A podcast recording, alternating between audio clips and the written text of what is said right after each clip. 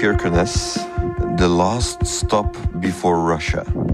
Buitenlandjournalist Casper Goethals reisde vorige week naar Kirkenes. Kirkenes is echt een geopolitieke kookpot. Een klein stadje, helemaal in het noorden van Noorwegen aan de grens met Rusland. En nu, met die oorlog in Oekraïne, is het alsof dat het vuur onder die kookpot is opengedraaid. Er wonen maar 3500 mensen. En in verschillende gesprekken daar in Kirkenes begon steeds meer het beeld op te duiken van echt een gemeenschap in een identiteitscrisis. Zij stellen zich nu al de vraag die heel Europa zich in de toekomst zal moeten stellen. Hoe moeten we, sinds de oorlog in Oekraïne, samenleven met de Russen? Het is een vraag voor ons allemaal. Het is vrijdag 6 mei. Ik ben Lies Bonduel en dit is Vandaag, de dagelijkse podcast van de Standaard.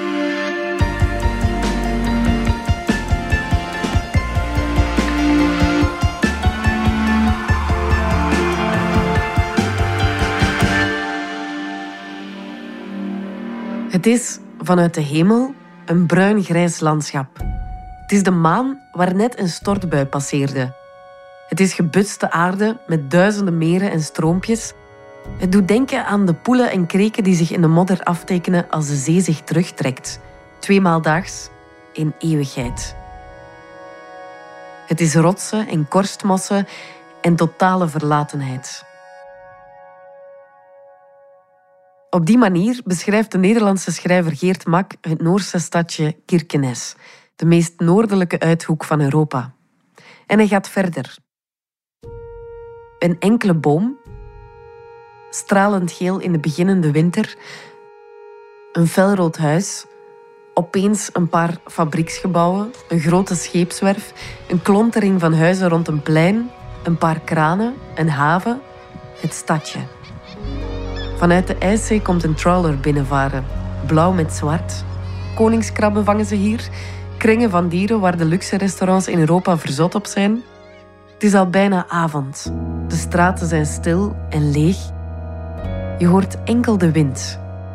Alleen in het stadhuis brandt nog licht. En in het grote gele Russische consulaat met de ramen vol tralies. Kirkenes heeft amper 3500 inwoners. Het is een speldekop op de kaart. En toch is deze uithoek een geopolitieke kookpot.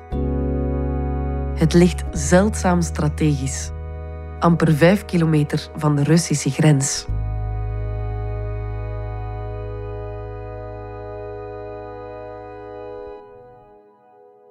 Op die manier heb je een beeld van hoe het stadje Kirkenes eruit ziet. Casper Goethals en fotograaf Sebastien van Mallegem reisden vorige week naar Kirkenes. En in dat kleine stadje gingen ze op zoek naar grote verhalen die de veranderende tijden weerspiegelen. Wat je zo meteen te horen krijgt, is heel veel materiaal dat Casper opnam in Kirkenes.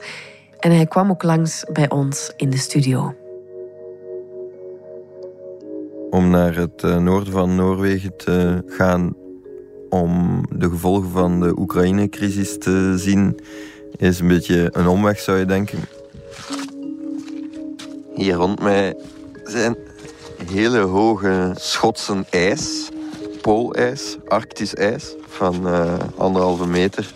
250 kilometer boven de Noordpoolcirkel. Bijna de hele nacht is het licht. Vanaf 3 uur 30 s ochtends uh, komt de zon op. En ik ga, gaat dan pas uh, tegen 9 uur weer onder. Een soort besneeuwd berglandschap met bevroren meren en, en heel weinig bomen. Toendragebied. Hier rijden we door het landschap in het noorden van Noorwegen. Maar nu lijkt het echt alsof we door één grote dam blanche rijden. Het is wit met uh, zwarte strepen van rotsen en uh, rode mossen. Het is een prachtig landschap. Een hele speciale plek om op zoek te gaan naar de gevolgen van de oorlog tussen Rusland en Oekraïne in de rest van Europa. Ik vind hier een toeristische brochure op de achterkant van uh, dat blad, heel groot onder Welcome to Kirkenes, staat in drie talen. The last stop before Russia. En ik lees voor, hier staat... Sor Varanger has been a melting pot of different peoples from the east and the west. Dus meteen uh, wordt hier duidelijk wat voor een interessante plek dit wel eens zou kunnen zijn. Ik heb die eerste vrijdagavond dat ik daar aankwam uh, nog naar het restaurant gegaan. Daar boden ze een uh, walvissteak en een rendierpasta aan. Ik heb mij aan geen van de twee gewaagd en een gewone hamburger gegeten. Maar ik heb daar toen ook vragen gesteld aan de mensen daar. En iedereen uh, was er volop mee bezig. Dat was duidelijk. We zitten nu in de derde maand oorlog al. En die discussie was nog absoluut niet gaan liggen. Na het eh, restaurant ging ik op café. Ik zit nu in een café in het stadje van 3500 inwoners. Hier in het uh, café nummer 1 en ook een van de enige cafés in Kirkenes uh, zit het stampvol. Aan de muren hangen schilderijtjes van jazzmuzikanten, tekeningen van hoe de stad eruit zag voor de bombardementen in de Tweede Wereldoorlog, die alles hebben uh, platgelegd. En uh, dit is ja, duidelijk het hart van de stad op dit moment. En daar in het café werd er over van alles gepraat. Uh, iemand vertelde mij daar, we praten over onze kinderen, over onze problemen in ons huwelijk en over de Russen. Je kan eigenlijk gewoon geen lang gesprek met iemand aanknopen zonder dat het ter sprake komt. En ik was er natuurlijk zelf in geïnteresseerd, maar ik hoefde de vraag vaak niet te stellen. Dus het hangt daar in die zin wel in de, in de straten. Je voelt de zenuwachtigheid overal. Op een bepaald moment waren we een foto met een drone aan het maken. Eh, de fotograaf Sebastian van Mallegem en ik. Tijdens het filmen kwam er plots een uh, politiewagen van de, van de Noorse politie. Ja, die waren heel vriendelijke agenten. Ah, oké. Okay. Ah, ja. Har du fått telefoonnummer og e-post? Jeg har fått telefoonnummer en some e-mails. Die verontschuldigde zich uh, tot in de treuren van... Uh, het spijt ons dat we jullie vasthouden, maar... En dat was meteen wel veelzeggend. Normaal gezien zouden we ons er niet zoveel zorgen over maken, maar... Sinds de oorlog in Oekraïne moeten we het zeer serieus nemen. The reason this uh, takes a bit of time and we have to check everything is because of the situation, you know. Yes, so of course. That's the reason. Want uh, jullie zouden spionnen kunnen zijn. Die keek door mijn paspoort en die zei... Hm, wel al verschillende rare landen geweest. We moeten echt even uh, bellen naar onze inlichtingendienst. It's just if, if you were going in, we can... Uh, sure, uh, verify. Yeah. Meteen werd het zeer concreet toen we zelf uh, verdacht werden van spionage. Maar um, na een uur werden we zonder problemen weer teruggebracht. Oké, okay, you're free to go. In 2019 heeft de Nederlandse schrijver Geert Mak een boek geschreven. Eigenlijk had ik het gevoel toen ik dit boek afmaakte. Grote verwachtingen. Dit verhaal gaat ergens naartoe, maar ik weet niet wat. En in dat boek kijkt hij eigenlijk naar de laatste 30 jaar. Kijkt terug op wat er gebeurd is sinds de val van de muur in 1989. En nu ja, zet eigenlijk meneer Poetin een dubbele streep onder de voorafgaande Europese geschiedenis en ook onder het verhaal van dit boek. Kirkenes was een plek waarin Max schreef toen alles wat geopolitiek verandert in de wereld, dat voelen ze hier direct. Het is uh, bijna middernacht in Kirkenes. Net toegekomen op mijn hotelkamer. En ik kijk hier nu uit het raam naar het dorpsplein waar uh, de sneeuw aan de kant is geruimd. Kirkenes is, zoals Geert Max zegt, echt een geopolitieke kookpot. Omdat het een van de enige ijsvrije havens is en, en met klimaatverandering steeds meer gaat worden. Noorden van Noorwegen lijkt heel ver weg, maar de Noordpoolcirkel is het topje van de wereld en daardoor ook dichtbij alles aan de eventuele noordelijke route voor grote scheepvaart als alternatief voor de route langs het Suezkanaal naar Azië. En dus is dit kleine dorpje helemaal in het noorden van Scandinavië, op 250 kilometer ten noorden van de Noordpoolcirkel. Een plek die grote interesse wekt bij de Europese Unie, maar ook bij de Amerikanen zijn daar in de buurt. De Chinezen noemen zichzelf een arctische of bijna arctische macht. De Chinezen komen soms langs om te praten met het stadsbestuur over mogelijke investeringen en nieuwe vaarroutes die er kunnen voor zorgen dat hun schepen sneller tot in Antwerpen geraken vanaf uh, Shanghai. En natuurlijk bij de Russen die er vlakbij zijn en die in Moermansk, hier op uh, enkele uren rijden vandaan, een concurrerende havenstad heeft. Ze hebben een consulaat. Ik sta tegenover het Russische consulaat in Kirkenes. De vlag wappert voor een geel gebouwtje. Dat er een beetje uitziet als een uh, oud kerkgebouw met uh, glasraam. Russisch consulaat in die plek van 3500 inwoners. Iedereen roert in die kookpot. Ik heb ook vaak gehoord, Oslo is ver weg, Washington is ver weg, Berlijn is ver weg, Kiev is ver weg, Moskou is ver weg. Maar wij voelen het hier als eerste. Dus eigenlijk had Geert Mak een soort plek gevonden waar heel veel grote verhalen van deze tijd samenkomen.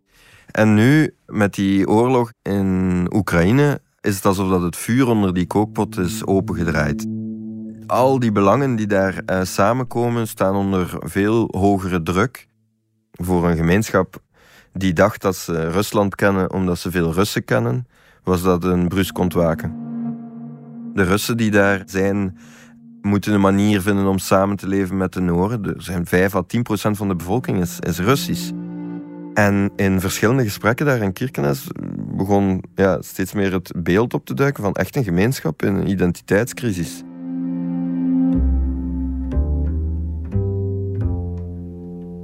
Een van de Russen die daar woont, die ik heb gesproken, een theaterdirecteur, vertelde dat hij op de avond van die oorlog thuiskomt en zijn nanny, die ook Russisch is, daar zoekt hij steun bij en hij zegt van het is toch erg wat er gebeurd is. Die fascistische Poetin heeft Oekraïne gebombardeerd. En zij zegt oei, ik steun Poetin. ik steun die oorlog. En hij zei van ja, zij was wijzer dan ik en zei direct van laat ons daar dan nooit meer over praten.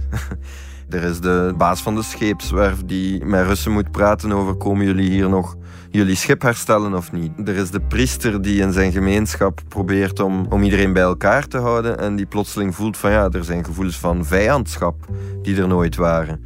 En dan is er de lokale politicus die vroeger reizen organiseerde naar Rusland. All types of uh, tourism to, to Russia. En die nu zegt van ja, ik ga niet meer naar Rusland tot de oorlog voorbij is. I not want to go to Russia in this situation. Maar die ook zegt van ja, ik wil wel vrienden blijven met de Russen. The country is the enemies, not, the, not my friend. Want anders, wat moet er van ons worden? En daarom was het een interessante plek om te zijn op dit moment.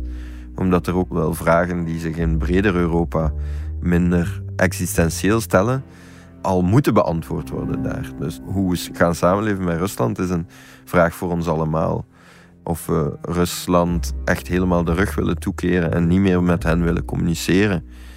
Dus die, die vragen van Kirkenes, die daar nu al verplicht gesteld worden, zullen vragen zijn die wij ons de komende maanden en jaren ook nog zullen stellen op eh, politiek niveau.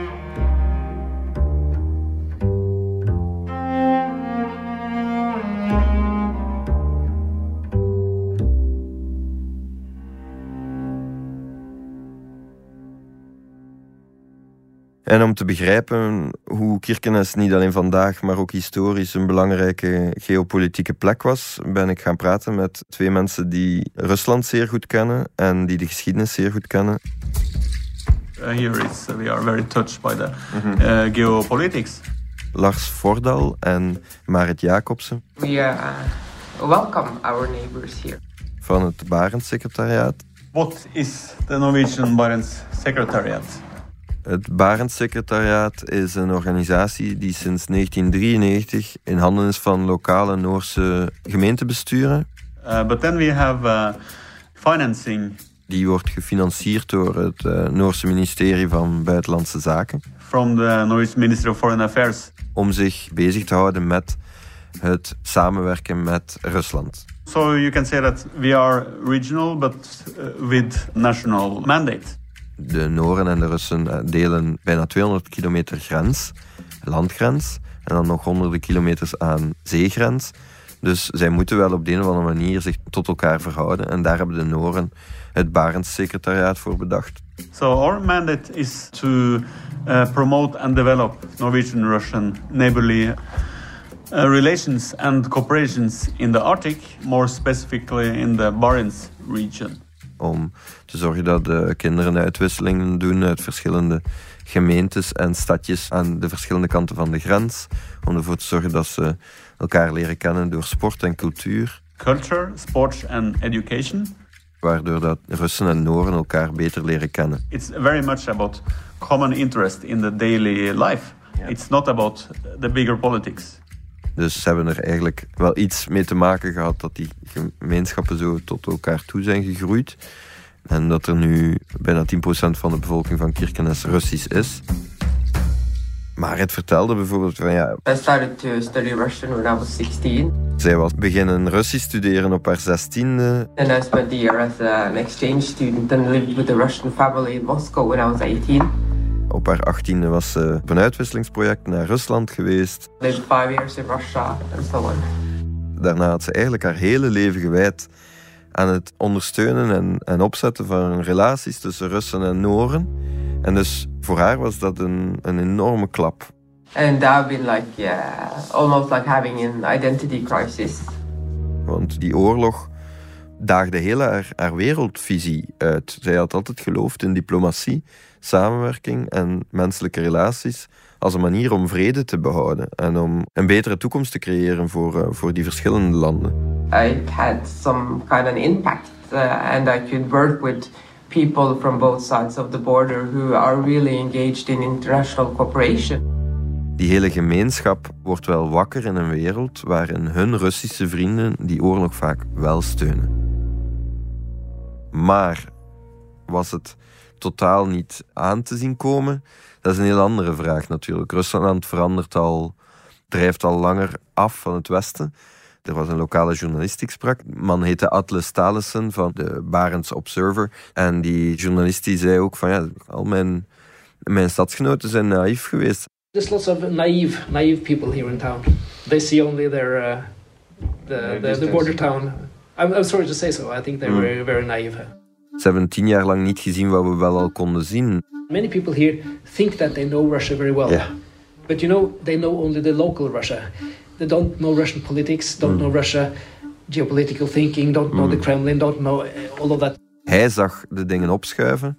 It has been a gradual situation over many years. Right. Uh, Russia has become more and more closed, uh, less and less democratic, and more and more hostile towards foreign uh, groups, foreign business, foreign NGOs, foreign media. Uh, so it's been a step by step. Maar voor de mensen in Kirkenes was, ja, als je iemand in de ogen kijkt, snapt je elkaar vaak. En als je het dan niet te veel over politiek hebt, dan kun je onder de illusie zijn dat, dat je niet veel van elkaar verschilt. En dus ja, op die manier was het wel een schok, want plotseling was het onomkoombaar. Plotseling konden ze er niet meer omheen. Uh, So of course everything now culminates with the war. Zo'n oorlog als die in Oekraïne is zo'n extreme daad van agressie dat de lokale gemeenschap zich daar wilde tegen uitspreken, ook in contacten met Russen. En dus werd het ook een soort van onderwerp dat door iedereen besproken wordt, maar eh, tussen Russen en Noren vaak vermeden wordt.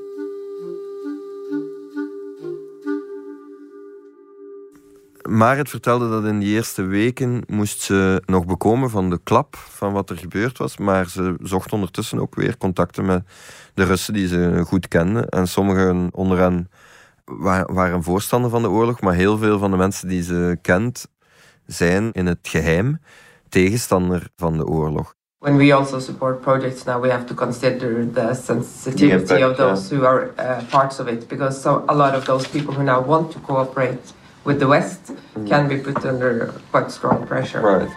En dus zij heeft contact met kunstenaars, activisten bijvoorbeeld uit de LGBTI-gemeenschap, die zij in het verleden hebben gesteund met projecten die tegen de oorlog zijn en die dat in Rusland zelf niet mogen zeggen, omdat ze gearresteerd dreigen te worden. Er ligt een nieuwe wet voor in, in het Russische parlement, in de Duma, om contacten met buitenlanders te criminaliseren. Zeker als het gaat over politieke contacten. Dus we zitten echt in een context waarin zij ja, super voorzichtig moet proberen om die relaties die zo hecht waren op de een of andere manier te laten standhouden. 10% of the community here have some Russian background in one way or another. And they're our friends, our neighbors, and our colleagues, and we need to take care of all our inhabitants. And that I think has been very important uh, in Norway. The Prime Minister has uh, repeated that. Zelfs Marit en, en Lars, die uh, een leven lang in de diplomatie tussen Rusland en Noorwegen hebben gewerkt, weten nog niet hoe de toekomst er zal uitzien. No matter how the situation is at the point, we have to try to look forward. And uh, I mean, we don't have the answers now, but uh, there are.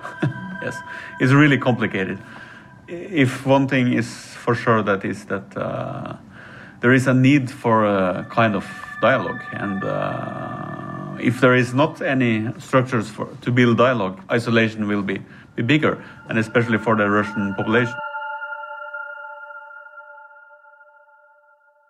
Dinsdagochtend ben ik vanaf de luchthaven in Kirkenes terug naar Oslo gevlogen.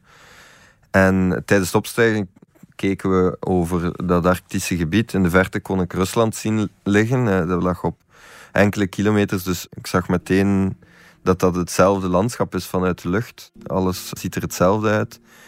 En ja, ik moest mijn stuk beginnen schrijven, dus ik zat mijn notitieboekje te kijken van hoe ga ik hier uh, die identiteitscrisis proberen te vatten. En ik zat zeer hard in gedachten met het laatste gesprek dat ik had die ochtend met een Noorse journalist daar, Atle van de Barents Observer. En hij zei, vroeger zagen we de positieve veranderingen ook soms niet aankomen. En nu is de toekomst onzeker en vrees ik dat het steeds verder zal verzuren. Dus ja, hij probeerde nog een optimistische noot te vinden, maar ja, in de realistische analyse van de journalist werd duidelijk van het zal nog jaren duren voor Kirkenes weer dezelfde soort relatie heeft met zijn buren als het de laatste jaren had. Dit was Vandaag, de dagelijkse podcast van de Standaard. Bedankt voor het luisteren. Alle credits van de podcast die je net hoorde vind je op standaard.be-podcast. Reageren kan via podcast.standaard.be. Maandag zijn we opnieuw.